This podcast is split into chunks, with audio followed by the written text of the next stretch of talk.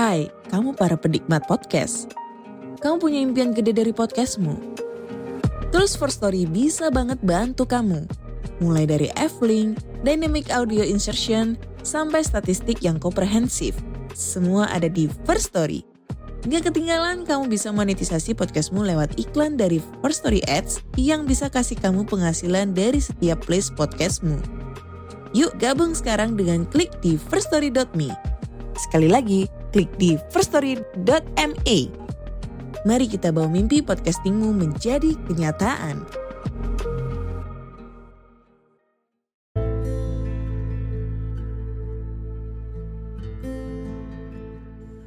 Halo, kembali lagi bersama saya dan Syam Hendra, your book reader. Inilah segmen Al-Qudus, sebuah novel kitab suci karya Asef Saiful Anwar. Saya akan membacakan surah ketiga, Dua Kehidupan Kekal. Tidaklah aku ciptakan neraka dalam tiga, tujuh, atau sembilan tingkat berdasarkan dosa-dosa besar manusia. Tidak pula kami pasangkan pintu-pintu di sekitarnya sesuai dosa-dosa kecil manusia untuk memisahkannya ketika mereka dimasukkan. Dalam satu waktu, segala pendosa dapat masuk ke dalam neraka yang sama dengan siksaan yang berbeda. Sebagaimana dicatat oleh Bakijah dalam sabdanya yang ke 5481, Erelah sang utusan berkata, Aku melihat tiga perempat penghuni neraka kelak adalah lelaki, dan yang paling banyak di antara mereka dadanya koyak karena senantiasa ditusuk lidahnya sendiri yang tajam serupa pedang. Menanggapi sabda ini, mazhab pertama menganggap bahwa sabda ini adalah peringatan bagi kaum lelaki agar lebih banyak beriman dan lebih tekun berbuat kebaikan. Mereka menganggap ini bukanlah ramalan karena erelah sang utusan mendapatkan sabda ini dari mimpinya, bukan dari kehadirannya di neraka langsung dan bukan dari firman Tuhan yang memberikannya secara langsung melalui malaikatnya.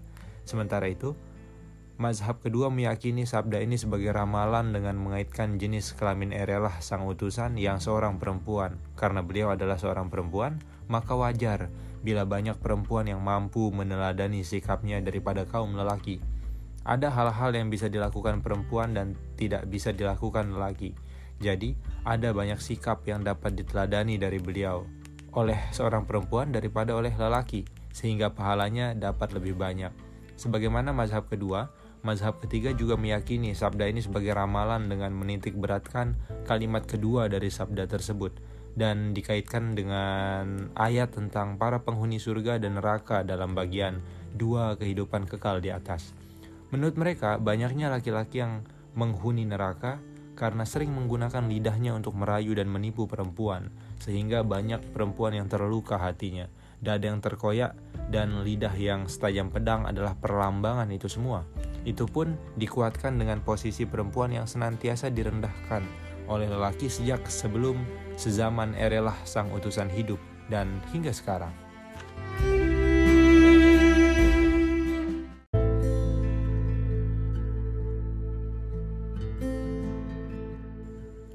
Bukankah di dunia yang hanya satu tempat itu manusia-manusia berlainan dalam merasakan sesuatu yang terjadi dan di kehidupan neraka yang kekal hal itu kelak akan terulang. Mereka yang dulu enggan beriman akan senantiasa merasakan kekacauan di dalam tubuhnya. Mereka yang dulu sedikit berbuat kebajikan dan lebih banyak menyakiti sesamanya akan merasakan kesakitan yang setimpal berulang-ulang kali lagi kekal. Tidaklah aku ciptakan surga dalam sepuluh tingkat berdasarkan kadar iman manusia, dan tidak pula kebaikan-kebaikan yang pernah mereka amalkan itu menjadi pintu masuk untuk memisahkan mereka di dalam surga, hingga golongan satu lebih mulus memasukinya daripada golongan lainnya.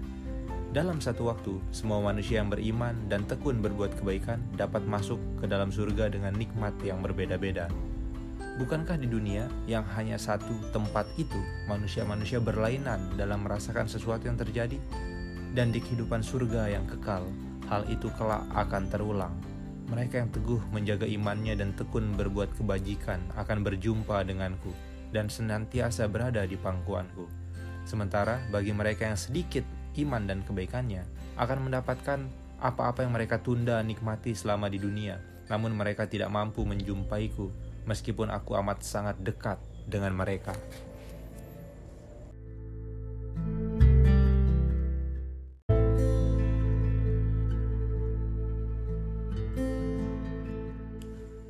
Ketiga mazhab utama sepakat bahwa mereka yang termasuk dalam golongan ini adalah orang-orang yang selama di dunia meninggalkan kesenangan-kesenangan yang dilarang Tuhan, tetapi lebih karena ingin menunda merasakannya di kehidupan yang kekal, bukan karena sepenuh hati menjauhi kesenangan itu karena Tuhan melarangnya.